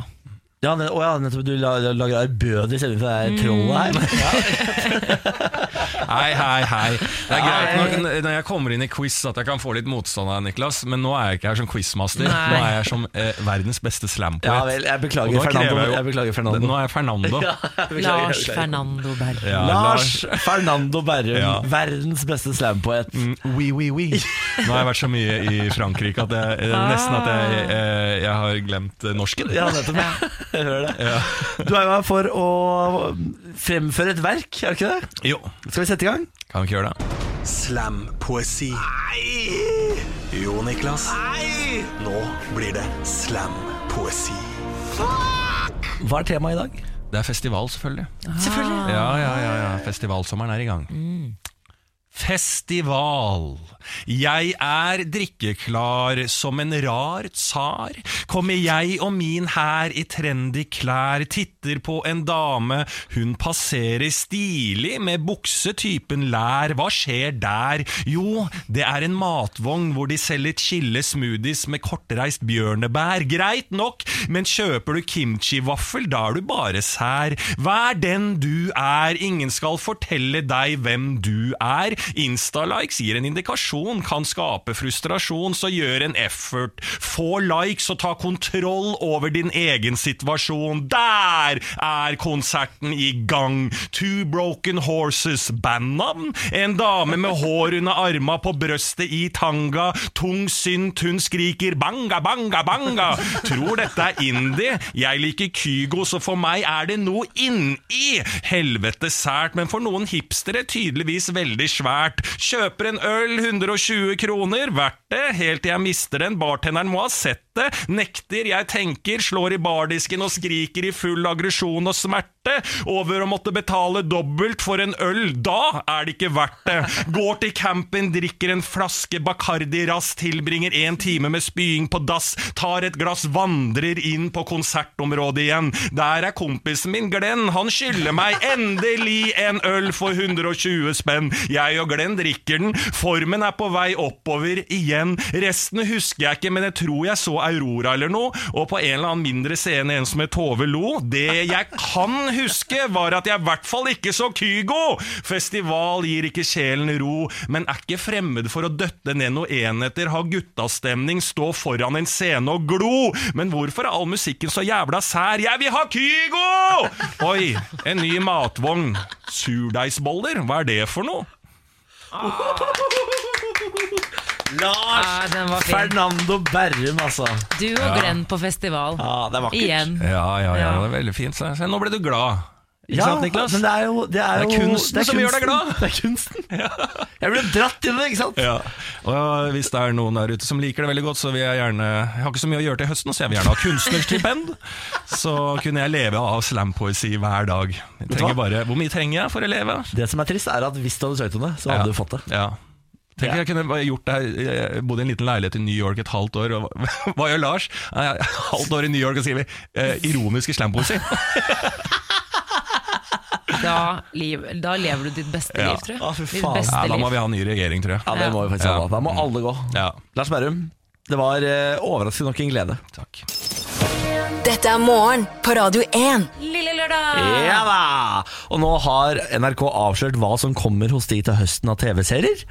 Og jeg må si, jeg, vet du hva, akkurat denne den høsten her, mener jeg NRK leverer ganske ålreit. Altså. Ja. De har annonsert en ny NRK-dramaserie, og det er de jo sabla gode på. Lykkeland heter den, og det handler om det norske oljeeventyret i Stavanger eh, i tiden mellom 1969 og 1972. Fire ungdommer blir kasta inn i en virvelvind av endringer og nye muligheter når tidenes oljefunn blir gjort på norsk sokkel. Ja. Serien har allerede vunnet manuspris i Cannes, f.eks. Kommer i åtte deler, produsert av Maipo Film. Maipo, ja, de er gode. De som har laget uh, uh, Dr. Proctor og sånn. Ah, sier du det? Ja. Her er lyd fra traileren. Og det Stavanger? Stavanger. Ja, nettopp. Han skal være amerikaner, selvfølgelig. Og så kommer eh, Mikkel Niva, den rødtoppen som har uh, klatra inn i hele Norges hjerte i løpet av veldig kort tid. Mm. kommer med en eh, tung, tung serie som heter Uten pappa, som handler om hvordan han aldri har hatt noe forhold til sin far. På en ekte, modig og humoristisk måte utforsker Mikkel sin og farens historie. NRK Den må jeg si, den gleder jeg meg til. Ja, den traileren ser veldig veldig fin ut, faktisk. Eh, og så har Ulrikke Falk fått en eh, TV-serie som heter F-ordet, hvor hun skal sjekke feminisme. Eh, ja, kjønn og kjønnsroller og så videre. kjønn og kjønnsroller osv. Eh, skal vel egentlig lære opp gutter i feminisme, er vel eh, Nå har tanken et mål om å eh, få en eh, hel klasse på videregående til å innse at de egentlig er feminister. Ja, det er vel egentlig både jenter og gutter, da, for det er jo mange jenter som ikke er feminister. Ja, eh, ja. Det stemmer nok. Og så kommer en eh, ny eh, dramaserie som heter 17. 17 år gamle norsk-somaliske Abid bor på Stovner i Oslo og bruker fritiden sammen med kompisene sine. De fester, gjør det ok på skolen, flørter med jenter, men havner til tider i bråk. Det er snart sommerferie, og tilsynelatende er alt som det pleier å være, men det Abdi ikke vet, er at om 17 dager kan livet hans bli snudd på hodet. Gjennom 17 episoder og 17 dager teller vi ned. Men til hva? Og her er det noen som har vært smarte. Har tenkt sånn, eh, Det skamgreiene funka. Folk er glad i 13 Reasons Why. Altså Her har de blanda ting som funker, og det er jo det Netflix gjør. Ja. Oppskriften i Netflix tar ting folk liker, setter det sammen til noe nytt. Det driver NRK med nå. Hvis ser eh, Og så hopper jeg over noen som heter Elefanten, og hopper også over Monsen, og så går jeg rett til Gåten Orderud. Dokumentarserien skal Nei, det Jo, jo, jo. Dokumentarserien skal vise alle sider av den største krimgåten i Norges historie. NRK og VG skal samarbeide om journalistikken. Serien blir sendt i seks episoder, og er produsert av Monster for NRK. Men kommer det nå til høsten? Ja! Altså, det kommer til å være eh, serierekord. Altså, Garantert. ja, ja, gåten, det her, altså, den gjør meg så Ja, ja. gira, den uh, Jeg nyheten. Den skal jeg, ja, alle episodene skal jeg se hjemme hos deg, Samantha. Sammen med deg og Emil. Bare så vet du. Men det er helt greit. Ja, ja, jeg det, og det skal, altså, på lineær-TV skal se det på de oh, ja, dagene. å, ja, ja, vi vi Ja. må bruke seks uker på å se det. Absolutt. Skjønner, skjønner, skjønner, skjønner. Dere, Det er et nydelig mesterskap som foregår i disse dager, og det er da selvfølgelig VM i fotball. Og eh, i går så spilte vertslandet Russland veldig bra. Jeg tror Putin er veldig fornøyd. De slo jo altså Slaudi, eh, Slaudi faktisk, Saudi-Arabia 5-0 i åpningskampen. Eh, slo, eh, slo Egypt i går. Og nå er de på god vei videre. Fra, Er det overraskende? Hvordan, eh, hva tenkte man om ikke, i Russland før? forhold til, ikke i forhold til lagene, nei. Nei, okay. Nei, det er ikke det. Så stort land som Russland er, hvis vi skal klare å finne elleve Ja, men de- rimelig dyktige fotballspillere i det landet, så da syns Nei, jeg men ikke de skal er ikke lov det å beste spille. laget, skjønner du. De er, jeg tror de er liksom de Midt er, på tre, er de er ikke det? Nede på rankingen så er de liksom Ja. blant de verste. Så de er ikke sånn helt uh... Men det som var litt merkelig under den kampen, var at det var flere av TV TV-seerne som så at de russiske spillerne drev og sniffet på noe. Nei! Eh, altså ikke sånn sniffing, du så at det er ikke partydop-sniffing. Lukta på eh, fingrene sine, litt ja, sånn som barnehjørn, De det luktet litt, ja. var det sånn, hva, hva er det for noe? Og det de har funnet ut av, at det, det sannsynligvis er en mentolsalve de lukter på for å åpne luftveier og kvikne litt til, da. Ikke ulovlig, altså. Ah, Men et sånn lite liksalve, triks. sånn som man tar under nesa når man går inn på likhuset. Ja, for å ikke lukte, eksempel. Så her tyr det til eh, ikke skitne triks, men, men triks. Ah, Fader, de ligger et steg foran russerne! Ja, ja, ja. mm. Sukka bløt. Eh, ellers så, Du har jo snakket mye om at du har lyst til å dra til Kontraskjæret og se fotball pga. Eh, alle polakkene her i Norge. Absolutt. Eh, Polen, eh, Det var ikke eh, stor feiring blant polakkene i går fordi Senegal tok eh, Afrikas første seier under VM, og det var da mot Polen. Så vi får, du får bli med dem neste gang, Niklas. Det det blir. skal jeg, Men hvem møter de neste gang? Jeg håper de vinner, for jeg orker ikke å se det. så mange folk tape. Det blir Men så jeg trist. har en annen nyhet til deg. Niklas har fortalt at han ikke har blitt bitt av VM-basillen ennå, selv om han egentlig er veldig glad i mesterskap. Ja. Litt pga. TV-trøbbel, men også litt pga. manglende entusiasme. Jeg klarer ikke å tromme det opp. Nei, men i dag kan jeg fortelle at eh, Portugal de spiller i dag. Det er laget ditt, Niklas. Du har valgt deg Portugal eh, som ditt favorittlag i dette mesterskapet. Yes, sir. De møter Marokko, ligger på en foreløpig eh, annenplass i gruppe B. Iran som leder i en gruppe med Portugal og Spania. Veldig spesielt. Men Ronaldo reddet jo altså laget fra tap mot Spania forrige fredag, til min store fortvilelse, for jeg heier jo da eh, på Spania og Mexico. Men uh, i dag så spiller de altså mot Marokko, så det kan gå veien. De vil slå vel Mar de Marokko. Ja, det tror jeg. Ja, de ligger jo nederst. Ja. Iran og Spania skal også spille. Eh, ellers er det jo verdt å ta med en liten eh, VM-nyhet. Eh, Brasil skjelver fordi Neymar løper rundt på banen og har vondt i foten. Ja, jeg hører det, men det er folk som ikke tror han er skada. Jeg vet det, men jeg tror også det er triks for å bare gjøre folk Fordi alle er jo på han hele tiden Ja, ja, ja, på banen, så de må bare Nettopp, prøve å lure folk litt. Og han prøver å være sånn skada fugl, så folk eh, skal la han være i fred. Ja. Ja. så jeg er skadet, så jeg er skada. Morgen på Radio 1.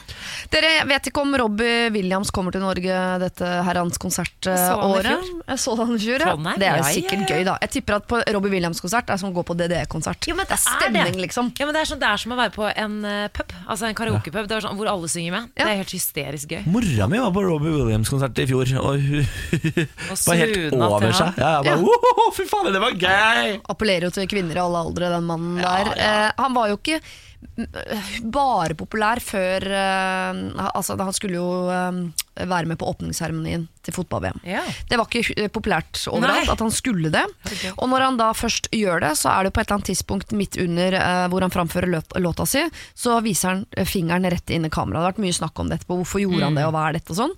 Og Robbie Williams han har vært helt taus. Ingen, han har ikke gått ut med hvorfor han valgte å vise fingeren rett inn i kamera under åpningsseremonien til VM. Bort, eh, før nå. Ja. I dag i TV-showet This Morning eh, så letter han på sløret. Eh, og han sier blant annet I slike settinger er det viktig å ikke skape internasjonal skandale. Men vet du hva? Det var det jeg gjorde. så han er med og bare eh, Han er enig i det. Det var det jeg gjorde. Han påpeker deretter at han var under et veldig stort press og ikke visste hvordan han skulle håndtere det siste minuttet av showet. William sier så at han mistet kontrollen over seg selv. Ingenting går inn i hodet mitt. Det oppstår en blokkering mellom meg og sunn fornuft. Og fem minutter senere tenker jeg klarte dette her eller ikke? Ikke er jo svaret på det, men uh, det viser seg da altså at han, uh, det er jo koreografi Åh? Nei, altså Det er ikke koreografert, men det er mangel på koreografi som gjør når en eh, stor artist står og har ett minutt igjen av showet sitt og vet ikke hva han skal gjøre, og blir så desperat inni hodet Å, sitt at han bare jeg har ikke noen moves, jeg har ikke noen punchlines, jeg har ikke en dans. Jeg, jeg vet ikke hva jeg skal gjøre. Jeg, jeg viser fingeren, jeg. Er ikke det bare- å Det er bedre enn tommelen opp, da. Tommelen opp hadde vært skikkelig pinlig. Jo, nei, men det er mindre skandale rundt tommelen Ja, opp. Jeg syns bare det er rar sånn go to, liksom. Sånn jeg, ikke når hodet kobler ut, jeg ikke vet hva jeg skal gjøre. Ja. Da viser jeg fingeren, jeg. Altså, Hvis du eh, tenker sånn uh, Ett minutt, det er ikke så lenge. Jo, det er virkelig jo, det er det. lenge Ja. altså, i en sånn setting. Fy fader. Shit. Da hadde jeg fått uh, fullstendig panikk. Altså, jeg, uh, jeg tror ikke min kropp hadde reagert med å blokke ut. Altså, det har jeg aldri opplevd før. At jeg bare går helt i svart. Nei. Jeg tror heller ikke min go to reaksjon hadde vært å gi fingeren til kamera, på en måte. Til alle som sitter og ser på. Det er en veldig rar reaksjon å ha. Jo, Ja, men tror du altså, ikke han, ikke var, han var lei, han var sur, eh, det har vært så mye styr at det var hans motreaksjon, liksom. Ja, det er det han de sier, da, at han har fått så mye kritikk at det var derfor han viste fingeren. Men altså, eh, denne mannen har jo mangel på selvkontroll fra før. Han har blitt bedre, men never forget eh, Aylar og Lene Alexandra i Oslo by da han var her. Ja, for, si meg, hva, men viste ikke det seg å være løgn? eh, at det var en historie hvor de hadde kommet på. Ja, Ja, jeg vet ikke. Nei, fordi de hadde for historien sammen. er vel der at han har vist dem gans alle de elleve fingrene sine, for å si det på den måten. Ja, og det lurer jeg på om viste seg å være løgn, var det det ikke? var kanskje løgn. Ja. At de har skrytt på seg om- Robbie Williams. Ja, nå er jeg på meget tynn is her, men jeg lurer på om det viste seg å være løgn. Altså, om det ble en ganske stor skandale. Det finnes nok på internett. La oss leve i den løgnen. La oss leve i den løgnen. Noen som jubler om dagen, er Therese Johaug, dere. Hun har jo fått lov til å komme tilbake til sporten sin og har vært ute med en dopingdom. Eh, Man skulle jo tro at det kanskje betyr et dårlig økonomisk år oh, for Therese Johaug. Å nei da!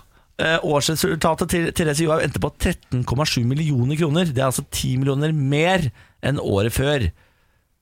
Vilt mye penger! Ja, Er det tilfeldig timing, eller har hun Altså Er det penger som har kommet inn Altså Det er jo ofte sånn at pengene kommer litt etterpå, liksom. Ja, hun har penger på si, da. Altså, hun, har, Ja. hun har jo klesmerket sitt. Og, Ja, ja. Så har hun, og så tror jeg at når det blir sånn hype Og det, det her har ikke vært positivt for henne, selvfølgelig, men jeg tror det kan komme noen økonomiske goder ut av det. For det første har hun vært ute i 18 måneder, Mm. hatt tid til å jobbe med andre ting. Ja. Eh, folk eh, elsker Therese Johaug og kjøper mer enn gjerne klærne hennes. Jeg tror bare det her har vært tommelen opp økonomisk. Det er jo så rart å tenke på. Altså, vi, det, vi må da være det eneste landet i verden hvor en utøver Og vi hele Norge følger jo med henne, absolutt. Men hun ble jo Hun fikk en dopingdom, og så går liksom inntektene i været. Fordi Se på Petter Northug junior, som fyllekjørte. eh, Ble nesten enda mer elsket etterpå. Så det her Ja. sier bare om det hvor eh, sportsgale vi er, i hvert fall i forhold til langrennsheltene våre. ja, vi er jo helt gærne. Ja. Ja, Jeg vil si at Therese Johaug er et perfekt eksempel på at man kommer veldig mye lenger i verden ved å være søt, liksom. Morgen på Radio 1. Hverdager fra sex. Hva er det du skal bedrive i dag, da, Siri Kristiansen? Nei, der folk flest kanskje skal se litt fotball-VM-kamper i dag, så skal jeg se eh, Son mot Moss. Eh, gutter eh, åtte år gamle eh, spiller fotball. Det er på et annet Yes. nivå, vil jeg påstå. Eh, for min sønn, da, som enten da han står stort sett i mål eller spiller forsvar. Eh, så han har til gode å score i sin korte fotballkarriere og er litt lei seg for det. Men jeg prøver å forklare han Prøv å forklare til en åtteåring at eh, forsvarsspillerne er like viktige og like gode som spissene. Ja, det er bare ikke ingen sant. For når han sier sånn Ja, Neymar og liksom sier alle disse stjernene, så, så sier jeg sånn Ja, de er spisser selvfølgelig, stort sett. Det er ikke, vi har ikke noen stjerner i, i Forsvaret, men de er like viktige for kampen. Ja. Så eh, selv om ikke de scorer, så er de like viktige for kampen. Men for et barn så er det, det handler bare om å score. Så jeg sånn, men Ja. du kommer ikke til å score i Forsvaret. Jeg beklager, sønnen min. For han syns Kommer han ikke til å fortsatt at jenter er ekle. Nei, nei, elsker jenter. Ok, han fordi du kan si at eh, Jeg har jo spilt fotball, at eh, alle jenter elsker forsvarsbautaer. Altså, de liker Stjernespissene er for eh, liksom divate og sånn. Alle jenter vil ha en forsvarsspiller. Ja. Å ja, sier du det? Ja, det skal jeg si, det tror jeg faktisk funker. For jeg pleier å lokke an med sånne Så jentegreier. Ja vel, men hvor, eh, hvor eh, bra vil du si nivået er når det gjaldt? da? Er det, er, De er kan det være merkelig no- gode, altså. Ja, det er det, det, ja. Så det kan være litt gøy å se på. Jeg trodde skulle, jeg gruet meg så mye til barna skulle begynne å spille fotball. Jeg, sånn, jeg orker ikke å stå og se to ganger 25 minutter med drittfotball. Jeg syns ikke det er gøy å se bra fotball engang. Men det er altså så gøy. Men jeg blir koko. Men du er en sånn, ja. Kom igjen! Jeg har ingen idrettsglede, jeg har bare idrettstemperament. Så jeg, er ikke noe, jeg klarer ikke å heie på laget som jeg holder med. Jeg er bare sur på det andre laget. Du er sånn jeg som er hater sånn- barn på åtte år for, hvis jeg ser de knuffer og sånn. Du er sånn som hvis du vinner, og sånn, så er du sånn aggressiv i, eh, i liksom ropet ditt. Sånn ja! Nei, jeg, men, ja, for jeg, jeg er ikke opptatt av å vinne, jeg er bare opptatt av å ikke tape. Så jeg hater Og sånn, ja. ganske mye. Jeg er opptatt av at dere må tape. Hva som skjer med meg, samme. Niklas, skal du se eh, fotballkampene? Kan, eh, laget ditt spiller i dag, vet du? Er, er det klokka to? da? Klokka to mot Marokko. Ja, vi får se altså. Jeg skal eh, som sagt eh, få besøk i dag av min barndomskompis Robert. Ja. Som kommer inn, og så skal vi ta noen bjørnunger og spise noe indisk. Men det er ikke klokka to. Ja, det er ikke klokka to, eh, men jeg lurer på om jeg skal sove litt, sånn at jeg har noe energi til kvelden. For det er jo sånn at vi står opp tidlig her i programmet. Sove fire timer, da, og så se kampen, og så gå og spise indisk. Nå snakker vi Ja, du legger opp løpet godt her nå. Ja, Men jeg vil så gjerne at du skal bli bitt av VM-basillen. Ja, men jeg lover å se altså Når Robert er her i kveld, så gjetter jeg på at vi kommer til å finne en pub. Om eh, det er opphold, så stikker vi sikkert på kontraskjæret etter å ha spist eh, indisk og ser en kamp. Iran, Spania, kan du se det? Spania-kampen er gøy å få med Den seg. kan jeg se på kontraskjæret på klokka åtte. Mm. Jeg skal spise italiensk pizza. Ja, åh, så deilig. Hvem er det du skal ut med? Du, Jeg skal ut med blant annet eh, en fra dette programmet her. Ja vel. Eh, Gita Simonsen. Du skal ut med Gita Simonsen, ja! ja. Du må vite at Gita Simonsen og Samantha Skogran De er jo som erteris, eh, de to. De ser jo også helt like ut. Hva skal vi Eh, kalle, Hvis du blir kalt for burrito, uten å uh, tråkke i rasistsalaten her, hva skal vi kalle Gita? Taco, hun heter chimichurra? Er hun- Hun er jo ikke fra. Nei, men hun er ikke derfra. Hvor er den Hvor derfra? er fra? Eh, fra en ei lita øy i Karibia, hva heter det? Oh, glemte. Zanzibar. Nei. Ka- Da, pineapple, da. Nei. Åh, Ananasen. men det er litt søtt. Er hun Men der hvis som du Freddy syns det er Dos søtt, Santos er så fra? må Ja. vi, men vi, kan, vi må spørre henne først. Ananasen, for det er veldig koselig, da. Altså, Nå blir jeg helt fra meg at jeg ikke husker eh, hvor hun er fra. Gita, ikke Ja. The Pineapple. Og så har vi burritoen. Mm, burrito og pineapple. Begynner å bli bra, det greiene her. Morgen på Radio 1. Hverdager fra seks. Podkast, podkast, podkast er ferdig. Takk for nå. Nå kan Sier vi da vel bekomme? Ja, Jeg det jeg sier vi. sa det feil i sted. Jeg sa det i introen. Det var teit. Flaut! Ja. Herregud. Ja. Nei, vel bekomme sier man når man gir mat. Så det, når man skal spise, sier man vel Ok, Okay, det var riktig. Jeg tror det er riktig, ja. Gjør man ikke det? Jo, men noen må si takk Nei, først. sier tusen takk, og sier man vel bekomme. Ja, nettopp, ja. Så da, har, da ser vi for oss nå, du som har hørt podkast, sier tusen takk, og så sier vi Vel bekomme. Farvel.